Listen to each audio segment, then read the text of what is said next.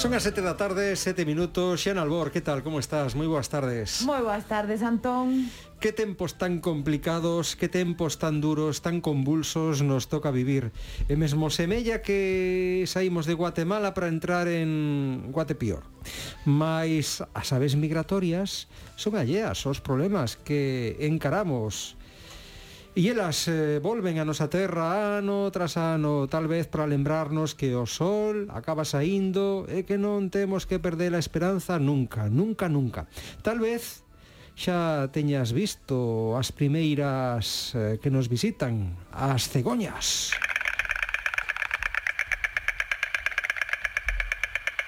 Parecen castañolas. Sí, que ruido máis simpático fan as cegoñas? Eh, e ten un nome este ruido, chamanlle crotoreo. Crotoreo. Mm. E o fan, bueno, con que pensades que o fan cos, con Co eses bicos sí. tan que den, taca, taca, taca, taca, sí. taca, Aí co pico, non? Sí, sí. Ah, é que... Coqueteiro. eh, non, temos, non as temos en toda Galicia, aínda mm. que sí, cara Ourense, xa o leste, algunhas partes do sur, mesmo cara arriba, un poquinho cara Lugo, leste, sur, sí que xa están entrando en Galicia. Son as primeiriñas, as primeiriñas en, en chegar, o de por San Blas. A as cegoñas verás. verás. Exacto, sí. que din. Pero, espera, a ver, espera, que comecei a mirar para vos, tócame crotoreo, se estabas Estaba no mirando crotoreo. o guión, porque xa me vou, eu cando falo das aves migratorias perdo sentido. Total, As cegoñas, a mellor non as vistes, ou as escoitastes en Galiza esta temporada, pero quizáis si tedes escoitado o Julio Iglesias das Aves. A ver. Chowit, chowit, chowit. Qué lindo es, qué lindo vas. Este era Plácido Domingo. Sí, explico vos. Xa me parecía a mí. ¿eh? Este era, xa, xa non votar. Explico vos. O rousinol é famoso porque ten unha dos, dos cantos máis potentes do mundo das aves. Ademais, uh -huh. é un paxariño pequeno que tampouco miras para ele nin nin non é como precioso, non chama atención, non ten unhas cores vivas e de pronto ten ese bozarrón, digamos, sí. que o que din de Plácido Domingo, que os que saben de ópera din que é unha cousa de outro planeta, que non é normal que ese home cante tanto con tanta potencia. Por eso dicía, o Rousinol, o Plácido Domingo e acto seguido traía Agora vos, sí, o Julio Iglesias. Atraía vos a Julio Iglesias. e por que lle chamo Julio Iglesias ao Cuco? Pois, pois porque sei. é moi cuco, claro. bueno, porque é un truán, é un señor. Ah, moi ben traído eso. non, non era por iso. Bueno, era por, mira, ás veces enredo, estas cousas teño que ter algún algún coaching que me diga como facer estas comparacións animal persoas. Non, porque o cuco é dos animais máis recoñecidos o seu canto, é moi recoñecido. Ai, sí, eu que sei, sí. eu preguntei aí a alguén que estaba xusto nese momento comigo, que cantante moi famoso? E me dixo Julio Iglesias, igual se lle pregunto a Silvia, dime outra cousa. Bueno, Julio Iglesias... Igual non é o eh, primeiro que se me ven a cabeza, pero claro. famoso, eh? Sabes que pasa? Que foron eh, anos, foron anos... Que Daddy Yankee podía ser. Ah, pero agora, pois, pues, es non sei, non sei.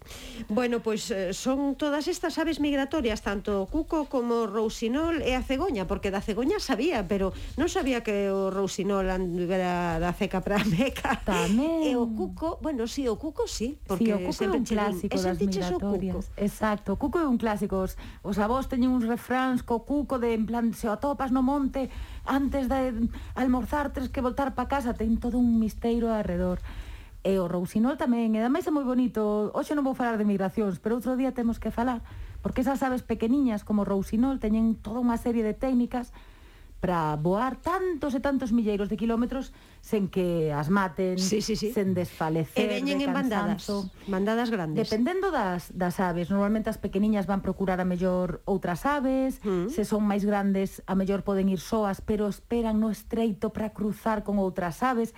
É un mundo tan bonito que nos leva cautivando tantos anos, e ademais é un xeito indirecto de saber as estacións climatolóxicas. Claro. Porque xa sabemos cando van chegando pois andoriñas, eh, os cirrios, rousinois, ouriolos, temos un monte xa delas sabemos que a primavera está aquí, non? Xa sabemos que a primavera está a chegar.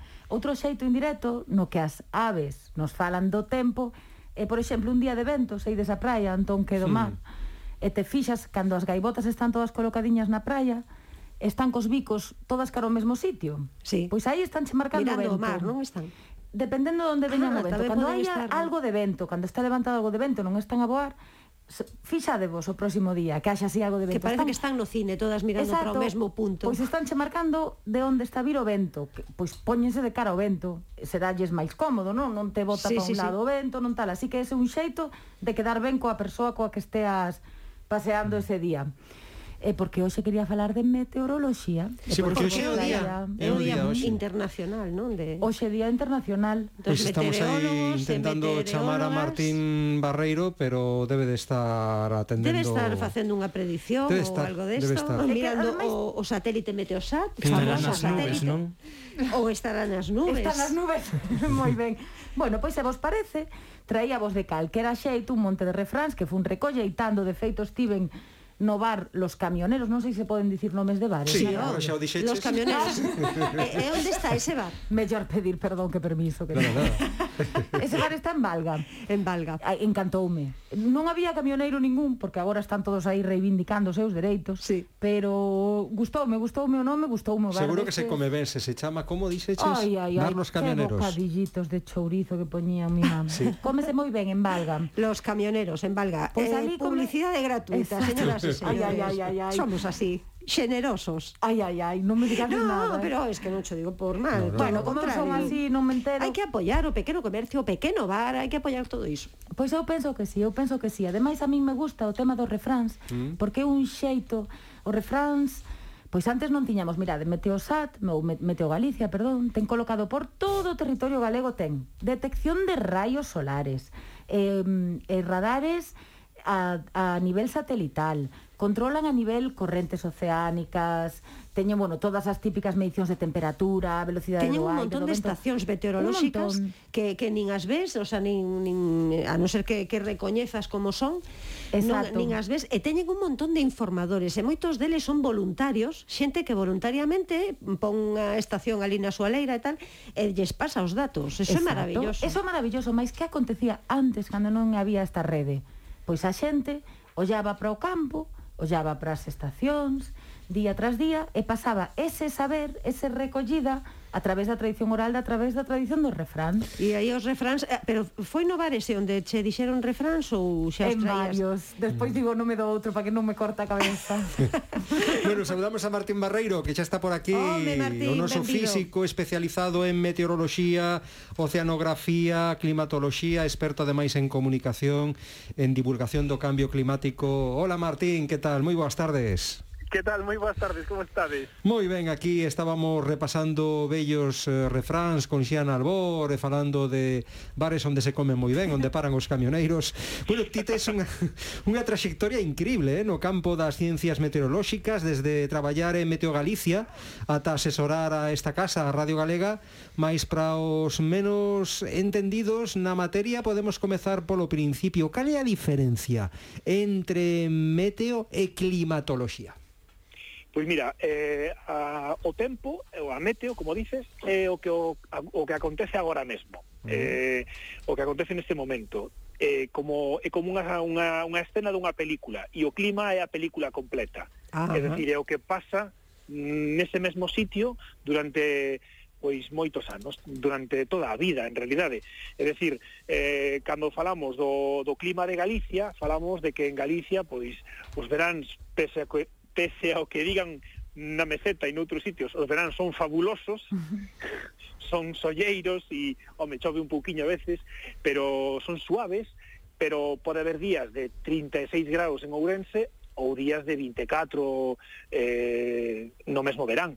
Por lo tanto, eso, esa diferencia é entre esa, cando falamos de clima, falase uh, do que acontece nun sitio durante moito tempo, pero con respecto á meteoroloxía. Digamos que cada unha desas cada unha desas fotos é a meteoroloxía e o álbum completo é, a, é o clima. É o clima. Sí, sí, sí. O es, este ano a meteoroloxía, Martín, deu varias uh, sorpresas, ou vamos, porque non houbo como quen di inverno, o inverno típico de Galicia non houbo, podemos decir, quitado aí unha semana que outra, e a primavera, bueno, de repente, de, de, o sea, de momento sí responde aos parámetros eh, habituais, pero vaya, que estamos como escamados co tempo este ano.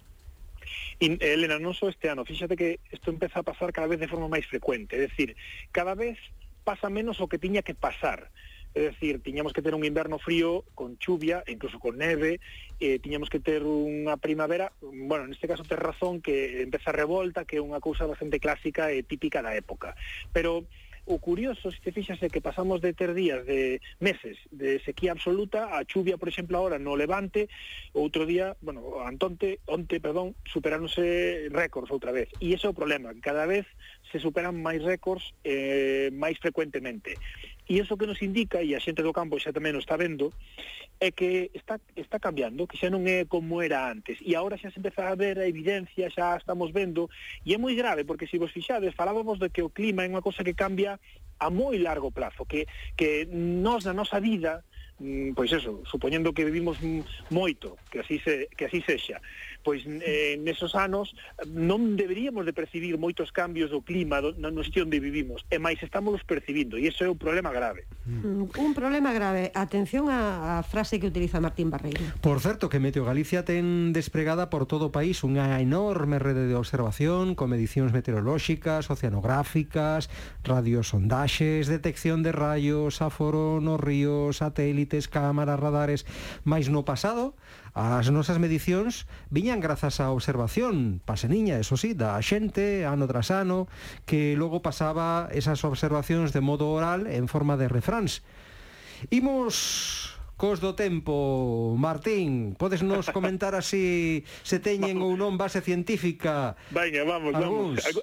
Algúns sí que teñen, xa a ver, digo. Eh? A ver Veña, este, dalle. a ver este. Marzo Marzán, pola mañán, boa cara, pola cara, eh, pola tarde cara de gan. bueno, eh, ten algo, sí, mira, porque eso é o que quere decir é que pola mañá pode estar bo, pero cambia moi rápido en marzo, porque eso é unha característica propia da primavera, tamén do outono, no? que, que cambia moi rápido, que non é, non é un tempo estacionario ou estable, que é un tempo variable, e eso sí que pode haber algo aí de... Sí, hai bastante de feito. Mm. E hai, hai outro que tamén ten verdade, que é cando marzo mallea, mayo marcea. Mm. Ese eu teño comprobado algúns anos que é verdade, non? Claro, porque eso, no fondo, o que está pasando é que si non si, si marzo non se comporta como, como ten que ser como marzo, ten que ser marzo, claro, ao final acaba chegando a chuvia máis máis máis tarde. E, e bueno, é, é algo que tamén que tamén funciona. O que pasa, mira, ese é o problema que teñen estos refráns. Ese, por exemplo, verás como está está en proceso de cambio, porque ese ese xa xa se a, si a situación segue cambiando, pois xa vai a ser pois ou menos probable que marzo malle ou ao revés. Eh, que hasta os propios vamos ter que volver a facer refráns, xa verás. A ver que temos outro aquí. En abril, aguas mil. Ah, bueno, sí, bueno el, es, Augas Mil. sí, ese é un clásico e ese, ese sí que é certo. Ese, bueno, obviamente, eh, pois o mesmo, a primavera, eh, cando chegan as borrascas baixa un pouco eh, digamos que suba a temperatura e as borrascas veñen máis cargadas de humidade, sube a temperatura tamén no océano, hai máis disponibilidade na atmósfera de, de humidade, que ao final a humidade a que, a que, a que precipita, a que cae. E sí, tamén ten, tamén ten moito de, ten por debaixo algo de ciencia. A ver este. En Veña. maio a vella queima o tallo. Tamén fala do mesmo, fala do que de que a vella aínda por maio pode queimar o tallo, quer decir que eh, aínda que xa parece que podíamos eh, poñer a camiseta e a e quitar roupa, mm, por haber noites aínda frescas. Xa, por eso que o sea, tamén que, que xa acabou a leña na casa desta eso, vella e, eh, e ten que quemar ata o tallo a pobre. Exactamente. Exactamente. Ten algo, ten algo aí. A ver este que ven agora. Cardaduras de lán, se non chove hoxe, chove mañán. A ver, este creo que ten que eh, eh ten que ver co, co, co observación.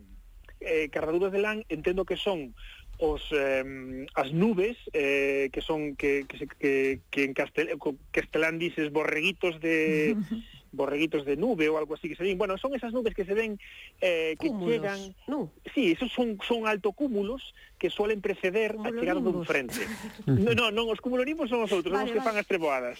Son os que son moi grandes, moi moi moi que se poñen moi escuros e que deixan unhas boas treboadas. Estos son como esos esas esas nubes de algodón que ves no ceo, así todas moi moi continuadiñas, cando están todas moi organizadas, moi moi continuadiñas e que veñen xusto di antes dunha fronte. O que pasa que, bueno, a veces non é xusto unha fronte e entón non chove moito. Aí mm, hai algo de observación, pero tamén hai un pouco de casualidade, de, de, de bueno, Eu non me fiaría moito desse pronóstico. Se posible me meto Galicia ou, ou, ou os pronósticos sí, oficiais. A ver este, Martín. Veña. Se pola Candelaria chova ou venta, indo inverno entra. E ainda que chova, que vente ou deixe de ventar, o inverno ainda está por pasar. Este é difícil este, este Fran, eh? hai que ter moita eh, memoria. Eh, este, ademais de difícil, este é un pouco xa máis de, mm, de dudosa reputación, quero decir. este xa eh, eh, hai varias versións. A mellor vos sona eh, a, a historia da, da, da marmota americana, desta sí. que tamén predice o tempo, é un pouquiño iso. Eh, teóricamente, pola Virxe da Candelaria, eh, si ese mismo día cadra que chove tal, pasa unha cousa e se non pasa outra. Aí xa vedes que cando nos basamos solamente na observación dun día só por, por ser o da Virxe, por moito respeto que lle teñamos á Virxe, eh, o pronóstico para un mes é moito decir. bueno, entón, temos... aí eu vexo, sí. a ese vexo lle Este, este poñémolo a remollo, eh? Sí, no, poñémolo, no, asterisco. a ver, estes dous, ten, temos aínda dous antes de rematar, Martín, un deles é este, mira. Lúa nova, tronada, 30 días e mollada. Aquí aquí é similar. Eu sei que isto a xente do campo non non lle gusta este tipo de historias, pero a mí non me importa entrar na polémica. E discutimos cando que irades neses bares tan maravillosos que falabades. Pero aquí ca lúa e ca meteoroloxía sinto moito, pero son fenómenos de escalas físicas distintas. Non non aí non aí non me aí non me colades. Bueno, bueno. Pues aquí son este, este borramo, son duros, son duros. A ver se nos compra este, este último. directamente. A ver. Nunca choveu que non a rayara. Ah, este sí. Home, este sí. Este sabemos sen falta sí, de sen necesidade todos. de saber nada de meteoroloxía, Escoita, pero, sabemos que é verdade.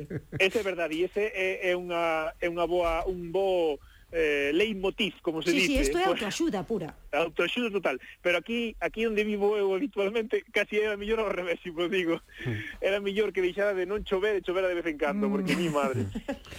como levas por aí fora, Martín? Cando regresas pola tua terra? Pois mira, mañá ah, bueno. levo, levo sin ir moitos di, moitos meses bueno, por, por, pola COVID, como sabedes, porque, bueno, tivemos, eh, cando no Nadal non me cadrou, porque estiven, tivemos contagios moi cerca, e, bueno, xa sabedes, o que lle pasou a todo o mundo. E non me cadrou poder ir, e parece que mañá sí que podemos arrancar, se non, se non hai ninguna última hora, eh, pois si volverei despois de moito tempo. Teño moitísimas ganas. Ui, xa, xa parece que cho notamos na voz. Bueno, Martín non se lle pode despedir sen preguntarlle polo pelo, porque xa sabedes que este home tivo eh, o valor de coller unha melenaza ben nutrida que tiña el de 50 centímetros, que lle daba pola, pola cintura, polo menos, sí, sí, e cortou unha ala, bimba. Mm, como levas agora o pelo, Martín? Saneado está saneado, non? pois volve a estar a medio medio, está a medio camiño outra Ay, vez. Está, sí, estás outra vez deixando medrar. Sí, que bonito. Que bonito, pois atentos ás súas pantallas para ver medrar ese pelo de Martín Barreiro. Bueno, Martín, de agasallo temos unha peza musical que eu creo que se vai gustar. Bueno, foi elixida por Xiana, eh, Oh. creo que a todos nos gusta isto que se va de fondo, mira. É a chuva chovendo, é conversa ribeira das águas de março. É o fim da Que canção, maravilla. Sí, verdad? é a. Martín Barreiro, un placer sempre enorme terte por aquí. Moitísimas grazas, eh, por someterte grazas. ao noso desafío dos refráns. Nada, buscar un base científica. Un placer. Gracias a todos, un bico para todos. Ata logo, Martín. Chao. Chao, chao, chao. É un estrela, é un prego, é é un ponto, é un é conta, é un conto. Xena Albor, que magua, pasa tempo tan rápido. Pero bueno, estivemos moi a gusto con Martín e aprendemos unha barbaridade, eh? Pois a verdade que sí, outro bar era aquí ben, casa aquí ben, Campolemeiro, xo dixen. Chao, Ala, chao. ata logo, ata logo, Xiana. É o projeto da casa, é o corpo na cama, é o carro enguiçado, é a lama, é a lama, É um passo, é uma ponte, é um sapo, é uma rã é um de mato na luz da manhã. São as águas de março fechando o verão e a promessa de vida no teu coração.